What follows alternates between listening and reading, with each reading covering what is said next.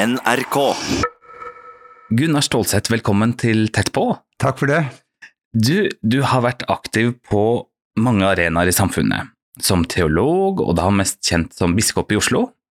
Og så har du vært politiker i Senterpartiet, der du blant annet var statssekretær. I tillegg så er du også godt kjent for å være opptatt av enkelte mennesker, og var den første biskopen i Norge som ordinerte en prest som levde åpent i homofilt partnerskap. Og så er du en av bare tre biskoper i Norge som har viet en tronarving etter at Norge gikk ut av unionen i 1905 med Sverige. Det visste jeg ikke. Gjorde ikke det? På 114 år. det er ikke verst å finne ut av det. Du, du har hatt et innholdsrikt eh, liv siden du ble født i Reppevåg i 1935. Ja, det kan man, det kan man trygt si. Det har vært et, eh, kan jeg si, mangslungent liv Ja. med dype røtter i utkant-Norge, og samtidig en eh, virksomhet som har brakt meg kloden rundt. ja. En dag i 1868 så spente farfaren din på seg skiene og flytta altså fra bygda cirka i Nord-Finland og slo seg ned i Vadsø. Og du er kven. Jeg er kven. Jeg, jeg pleier å si jeg er stolt kven. Ja, nettopp. Jeg, jeg er kommet uskadd fra fornorskninga. Hvorfor er det et poeng å ha med ordet stolt? Jo, fordi jeg har um, merket i hele mitt uh, arbeid internasjonalt og her hjemme at uh, minoriteter ofte bærer på et sår.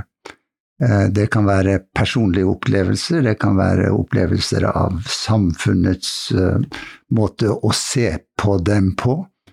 Og jeg synes det er veldig viktig å holde fast på ens identitet med, med stolthet også.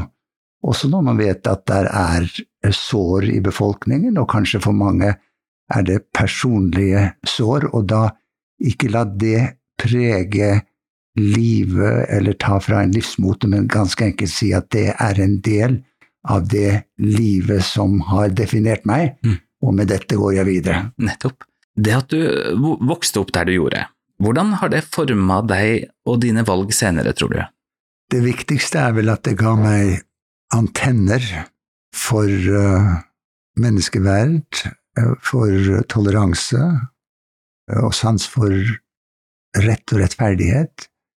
Mange ganger når jeg har stått i slike utfordringer verden rundt, i det sørlige Afrika, i kampen mot apartheid, i Latin-Amerika, i frigjøringskampene der, på Øst-Timor og nå i Myanmar, og jeg spør meg selv hvordan havnet jeg her?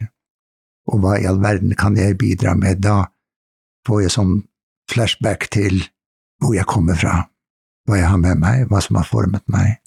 Det er den største gave som jeg har med fra barndom og oppvekst i et miljø med nordmenn, samer og kvener. Da du ble født, så hadde du Cirka som etternavn. Ja. Men det navnet ble endra. Ja. Hva skjedde der? Det var um, nok et uttrykk for tilpasningen til det norske. Det var mange i den perioden i etterkrigstiden som med sine navn ønsket å så å si normalisere sin tilhørighet i det norske samfunn. Og det kom jo som en overraskelse på oss barn. Vi visste ikke engang at noe sånt var på gang, før far en dag sa ja, nå heter vi Stålsett. Og vi satt med store øyne og lurte på hva det her var for noe. Eh, Vi var ute og lekte med unger, og så kom far og mor gående nedover veien, og så var det en av lekekameratene som sa 'Å, der kommer han Stålsett og fru Sirka'.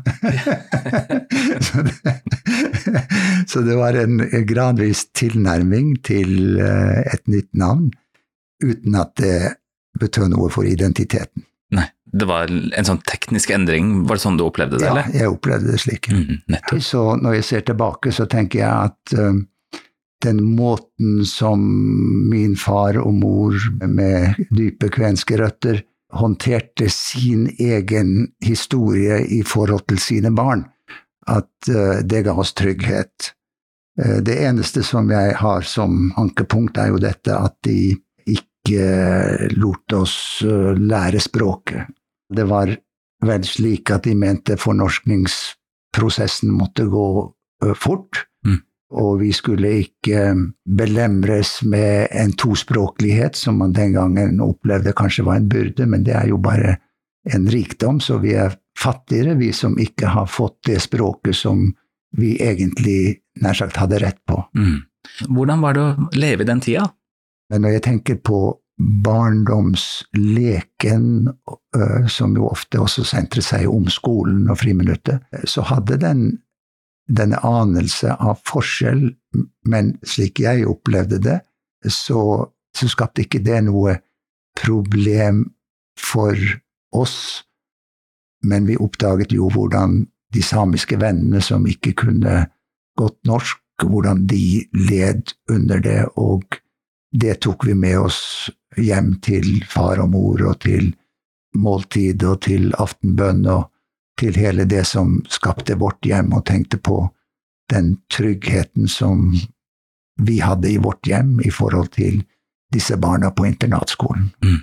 Far var lærer, og dermed så var han jo del av den strukturelle undertrykking av det samiske og det kvenske. Altså det var jo Fornorskningstrykket kom jo fra skolen og fra kirken og fra embetsverket. Jeg mener det er riktig å snakke der om en strukturell vold mot minoriteter. Mm. Uh, og mange uh, aksepterte resultatet av det og gjorde det beste ut av det, men ikke uten, uh, tenker jeg, en følelse av at her er det noe galt. Mm. Når f.eks. i Repvåg på internatet der det var samiske barn som ikke fikk snakke sitt eget språk, ikke engang i friminuttet, og som uh, gråt seg til søvn inne på husmoras rom, for hun kunne samisk, så var jo min far styrer for den skolen. Han kunne finsk, og han kunne norsk, men kunne ikke kom eh, kommunisere med barna på deres eget språk. Snakka du noen gang direkte med faren din om det? Altså Tok du opp det her som en problemstilling? Ikke da, men senere, uh, i voksen tid, uh, når det ble mye mer bevissthet om det. Og det er klart at han innså at den rolle som skolen hadde, og som han som skolestyrer hadde, at den var noe som, som gikk inn på han.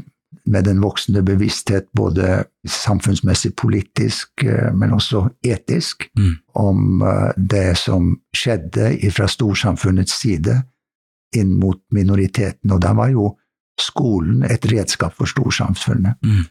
Og det er jo en sånn personlig side i det, men det er samtidig en samfunnsmessig situasjon eh, som heldigvis det norske samfunn nå er rede til å ta et eh, oppgjør med, med denne uh, sannhets- og forsoningskommisjonen som er opprettet.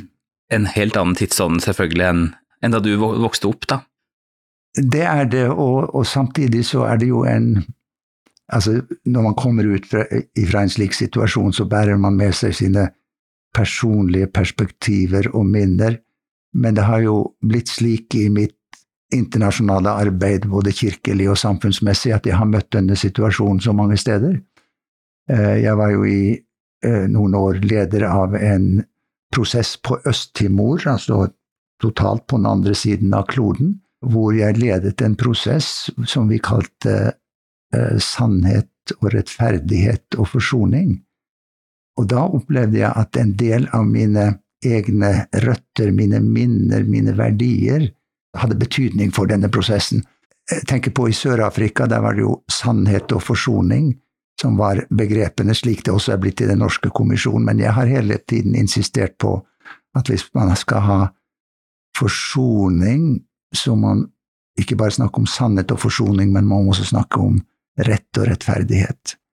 Og det er det vanskeligste, fordi da kommer du inn på menneskers opplevelser av å være offer, menneskers opplevelser av at noe er tatt ifra dem, noe er frarøvet dem. Så de som har makten, kan nok være med på å snakke om sannhet og forsoning, men når spørsmålet om rett og rettferdighet kommer opp, mm. så blir det med en gang makten som rår. Det har jeg sett på Øst-Timor, det har jeg sett i den prosessen jeg er med på i Myanmar. Mm. Og det minner meg om noe av utfordringen også i den nordiske, ikke bare den norske, men i den nordiske selvransakelse som på en måte er på gang når det gjelder forholdet til minoriteter, både urfolk og nasjonale minoriteter hos oss. Mm. På Øst-Timor eksempel så sa lederne, de som hadde ledet landet til frigjøring, de sa la oss slutte å snakke om offer, vi er alle helter. Og de var uh, til dels kritiske overfor min tilnærming til prosessen. Og da sa jeg vel, si det til en 15-åring eh, som ble eh, voldtatt av indonesiske soldater. Du er en helt. Mm. Altså, der er det personlige som har forskjellige uttrykk i forskjellige historiske sammenhenger og eh, kulturer. Arter seg forskjellig, og vi vet ikke, tror jeg, helt hvilke sår mennesker bærer på og har minner om, og hvor de ut ifra en generasjon av taushet kanskje føler at vel, det er godt å minnes, men hva med såret? Mm. Når du ser på situasjonen i dag, hvordan vurderer du religionens plass blant samer? Det kan jeg for lite om, eh, men eh, jeg har jo inntrykk, et inntrykk av at eh, religion betraktes med et kritisk blikk når det gjelder religion som et instrument for, om ikke undertrykkelse, så iallfall frarøving av identitet eller svekkelse av identitet. Samtidig som det da i kirken er blitt en større forståelse for uh, den samiske identitets, kulturelle identitets, sosiale identitets betydning mm. for kirkelivet slik som jeg opplever det sett noe på avstand nå, så er jeg veldig glad for den bevisste linje som har vært ført fra grupper innenfor det samiske miljøet og fra kirkeledelsen, slik det kommer til uttrykk i Samisk kirkeråd og i bibeloversettelsen og i salmeskatt som skapes i vår tid. Mm. Det har skjedd et møte der som har vært en berikelse for hele Den norske kirke, og som jeg tror at store deler av det samiske miljøet forholder seg positivt til. Mm. Men også her er det minner og sår som går på, særlig innenfor det kulturelle uttrykk, eh, med joiken og den samiske kulturen osv., minner om den tiden da dette ble sett på som hedensk. Mm. Det er jo fortsatt kirker i eh, Troms og Finnmark, som det heter nå, da, hvor det ikke er lov å joike? Det er det, og, og det er eh, en stadig påminnelse om utfordringen i enhver generasjon å tenke igjennom hva betyr tro og tradisjon i vår tid. For meg er jo nøkkelen til forståelsen av det er jo dette teologiske uttrykk inkarnasjonen, at eh, Jesus ble menneske, altså Gud ble menneske og da er intet menneskelig Gud fremmed, og ikke bare det, da er det menneskelige positivt for Gud. Og det er en god nøkkel til å åpne opp fellesskapet både i kultur og tradisjon, og gi den betydning og den stolthet som ligger i at uh, jeg er den jeg er, også med min tro og med min tvil, med mine tradisjoner og min identitet. Mm. I kraft av å være menneske. I kraft av å være menneske. Ja. Da du var biskop, så ble Benjamin Hermansen drept. Et rasistisk motivert drap. Hvordan opplevde du den situasjonen, og på hvilken måte ble vi endra? Det gjorde jo naturligvis et veldig inntrykk på meg, og da Benjamins mor ringte meg og ba meg ta begravelsen, så sa jeg med en gang ja, vel vitende at dette var en stor kirkelig utfordring. De tilhørte ikke et kristent trossamfunn. Det å som biskop å få rette ved begravelsen ville være en provokasjon for mange, men jeg opplevde at her hadde jeg igjen ikke noe valg. Her var det et spørsmål om å møte et menneske, en mor som hadde mistet sin sønn. Sønnen var hennes stolthet. Jeg ledet an i en folkemarsj som samlet titusener på Stortorget. Det ble en mobilisering som enda merkes i folket. Det var jo nynazister som hadde tatt livet av Benjamin. Og i dypet av denne utfordringen var det både nasjonalistisk og etnisk og religiøs ekstremisme. Vi skapte en grunnholdning eh, som også er nødvendig i dag, eh, når vi ser det som preger samfunnet vårt av mobilisering av fremmedfrykt og antisemittisme og islamhat. Det er noe i tiden hvor arven fra oppgjøret med nynazistene som drepte Benjamin, den har betydning for hvor vi er i dag, og hvilke standpunkter vi tar. Jeg har tro på den grunnleggende toleransen som er der i folket. Det er unntaket som får mest oppmerksomhet i media. Det er unntaket som preges av fremmedfrykt, og som mobiliseres så å si som en understrøm, som vi også i dag er nødt til å være på vakt mot og ta et oppgjør med. Hvordan opplever du um, toleransen i, i, forhold til samer, da? Det er jo vanskelig for meg å si det som ikke same, men jeg tror at i forhold til hvordan det har vært tidligere, eh, så er vi på et helt annet sted, og det er positivt. I den folkelige språkbruk eh, som jeg husker fra barndom og ungdom, så var det jo ord og uttrykk som var innarbeidet, som var en voldsom degradering og krenkelse og fornærmelse av det samiske. Jeg tror at kulturen er i ferd med å endre seg, og at vi er kommet i en sammenheng hvor denne nedsettende språkbruk og skjellsord, slik karakter, overhodet ikke er akseptabel, selv om den forekommer. Hvis du ser tilbake igjen på din eh, egen gjerning, da, i hvilken grad opplever du å ha opptrådt samlende? Um, det er et dilemma. Forsoningens nødvendighet har sin pris dersom man fremmer forsoning, så vil det alltid være noen som er uenig i det. På en måte kan man si at forsoningen skaper nytt behov for forsoning. Og det har jeg sett eh, både i det kirkelige og i det samfunnsmessige arbeidet. Og jeg bar på den arven eh, som måtte føre til et oppgjør med meg selv. Jeg var motstander av kvinnelige prester. Inntil en dag jeg liksom ble stilt overfor dette nær sagt type eksistensielle valg. Hvordan kan du ha en slik oppfatning når du leser det bibelske vitnesbyrd, hvordan Jesus møter mennesker? Og det ble på en måte et enten-eller for meg, altså rent trosmessig, og et brudd med den linjen som jeg hadde stått på teologisk og kirkelig. Mm.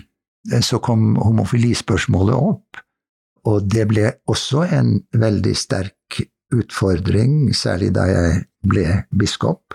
Skulle man være inkluderende på en ikke nedlatende måte, men på en måte hvor man erkjente at dette er et uttrykk for menneskers verd og menneskers rett. Og der måtte jeg ta et standpunkt, og eh, det førte jo naturligvis til mange bruduljer, både internt i kirken og i samfunnet. Men det var jo biskoper som hadde gått opp løypa før meg, selv om jeg da var den første som tok et avgjørende skritt når jeg innsatte en prest som levde i partnerskap.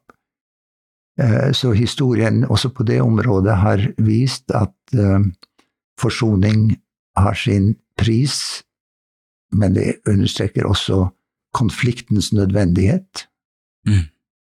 Kan det også overføres til den situasjonen som igjen trakk deg fram i, i, det nasjonale mediebildet, holdt jeg på å si, altså hvor du i et intervju med Vårt Land fortalte at du i 14 år har gitt arbeid til uh, Lula Tekle, altså en ureturnerbar asylsøker uten oppholdstillatelse. som jo leda til eh, etterforskning og påtale, og til slutt en dom hvor du ble dømt til 45 dagers fengsel og 10 000 kroner i bot. Ja, jeg, jeg betalte uh, boten i går, og den skriftlige dommen lå i postkassen min på julaften. Nei, gjorde det? Og da tenkte jeg at det er passende, det minner om at det ikke var rom i herberget. Det var en, et, et, en veldig sterk uh, påminnelse om betydningen av juleevangeliet, uh, om hva det egentlig betyr.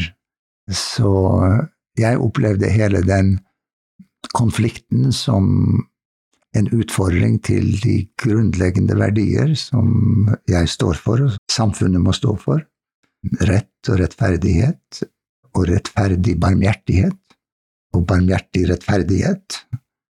I et samfunn som har uh, fått politikere uh, som ser sin stolthet i å bruke ord som uh, streng og rettferdig, så har det vært nødvendig, og det har jeg gjort over tid, utfordret politikerne på akkurat dette og sagt at det er noe som heter nåde, det er noe som heter tilgivelse, eh, det er noe som heter en folkelig rettsfølelse, og hvor disse verdiene ikke tas på alvor. Der får vi et hjerteløst samfunn. Det har vært eh, aldeles overveldende å se hvordan Eh, denne rettssaken har rørt ved strenger hos folk, altså egentlig talt eh, hjertespråket.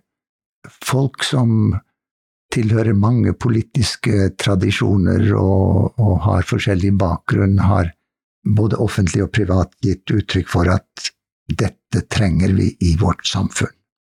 For meg dette, har denne prosessen egentlig vært en uh, mulighet til å minne meg selv og andre om at vi har en dypere forpliktelse i dagens samfunn enn det som kommer til uttrykk med en hjerteløs forvaltning. Og vi skal ikke glemme da å se det i dette ansikt-til-ansikt-perspektivet, hvor de mest skadeskutte og skadelidende i vårt samfunn også er mennesker med verd til et liv som det går an å leve. Mm. Hvis vi har lover som ikke reflekterer det verdigrunnlag som vårt samfunn er tuftet på, så er det en borgerplikt, en demokratisk plikt, å gjøre opprør mot det. Det som har vært mitt mantra hele veien, har vært loven må forandres. Loven må forandres. Det dreier seg ikke om forskjellige tolkninger av samme paragraf, det dreier seg om å bli kvitt paragrafen. Og den bevegelse som jeg ser i de forskjellige partiene, gir meg håp om at uh, når partiene nå sitter og skriver sine nye programmer, at de ikke skal gjenta det uh, standpunktet som førte til den paragrafen som jeg ble dømt etter. Mm. Sommeren 2001 så jobba jeg som fotograf og sto da uh, utenfor domkirka i Oslo og inne sto du og via kronprinsen og, og det som ble kronprinsessen. En uh, historisk begivenhet. Hvordan var det for deg? Det var stort å, å, å, å vie kronprinsen og kronprinsessen. Jeg tenkte vel ikke så mye på at dette var tronarvingen og den fremtidige konge og dronning, men jeg opplevde det veldig personlig de to som mennesker som var så glad i hverandre og så strålende engasjert og opptatt av vielsen, av bryllupet, og fremtiden sammen. Eh, så for meg var dette en mer sånn innenfra opplevelse av et ungt par som viste kjærlighet, eh, og som viste det for hele folket, som hadde overvunnet uh, Eh, mange hindringer eh, før de sto der foran, foran eh, alteret. Så det var et bevegende øyeblikk. Det var personlig, og naturligvis også historisk. At jeg også fikk døpe den neste tronarving, Ingrid Alexandra, det var jo også noe som jeg ser tilbake på med stor, stor glede. Mm. Det var viktig for meg å være ærlig eh, på en måte som gjorde at både de og folk flest opplevde at her ikke ble skapt et uh, glansbilde for å tilpasse seg det som besteborgerligheten eh, kanskje kunne ønske. Men det som var enda viktigere, var jo å gi uttrykk for en tydelig forståelse av hva evangeliet betyr.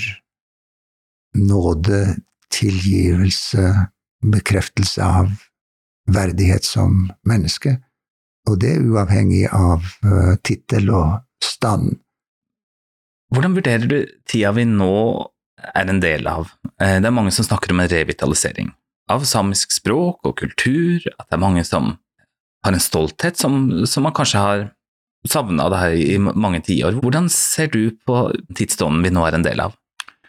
Det er med veldig med stolthet jeg i det internasjonale arbeidet har kunnet uh, fortelle om utviklingen i det norske samfunn når det gjelder dette med minoritetenes plass, enten det gjelder urfolk som samer eller nasjonale minoriteter. Uh, det at vi har et uh, sameting, det at vi har fått lovgivning som ivaretar urfolks rettigheter og interesser på den måten som det har skjedd, er et mønster globalt det at vi feirer samefolkets dag med nasjonal stolthet, det syns jeg også er veldig viktig. Og den rolle som representanter for det samiske miljøet har spilt internasjonalt i FN-systemet når det gjelder urfolks rettigheter, er historisk avgjørende. Det er noe som jeg forteller om med stolthet, og som får mennesker i kanskje til og med mer kompliserte miljøer til å fatte mot at det går an å forandre historien. Det går an å eh, bruke den demokratiske arv og kraft, eh, menneskerettighetene, demokrati, eh, respekt for hverandre, og bruke det som en byggende kraft og forandre samfunnet. Mm. Det betyr ikke at alt er perfekt der vi er i dag. Det er sikkert mange som har legitime klagemål også i dag, og ikke minst når man da kommer til forvaltningssiden. Men det som vil stå i historiebøkene etter de siste 50 år, det er et tidsskille i Norge, og det er løfterikt for urfolkskamp verden rundt. Mm. Er det noe du kan trekke fram, altså konkretisere, av nøkkelhendelser som har bidratt til å føre oss i rett retning? Jeg tror nok det har vært en gradvis uh, voksende erkjennelse av um, egen identitet og verdighet som har kommet innenfra. Dette er ikke noe som storsamfunnet har uh, tatt initiativ til. Det er kommet innenfra som en kamp i frigjøringsteologien i Latin-Amerika snakker man om å forandre historien fra undersiden. Og det tenker jeg at det er en beskrivelse også hvis man ser på perspektivene i norsk sammenheng. Det er ikke slik at de med makt og myndighet har sagt at nå må vi gjøre noe for å komme til rette med den undertrykkelse som har skjedd. Dette er et resultat av bevisstgjøring i folket selv og i det samiske folk, og gradvis eh, blant kvenene. Mm. Gunnar Stålseth, tusen takk for at du var med i Tett på. Takk for at jeg fikk være med. Jeg heter Svein Lian. Tett på fra NRK Sápmi er produsert av 1 til 1 Media.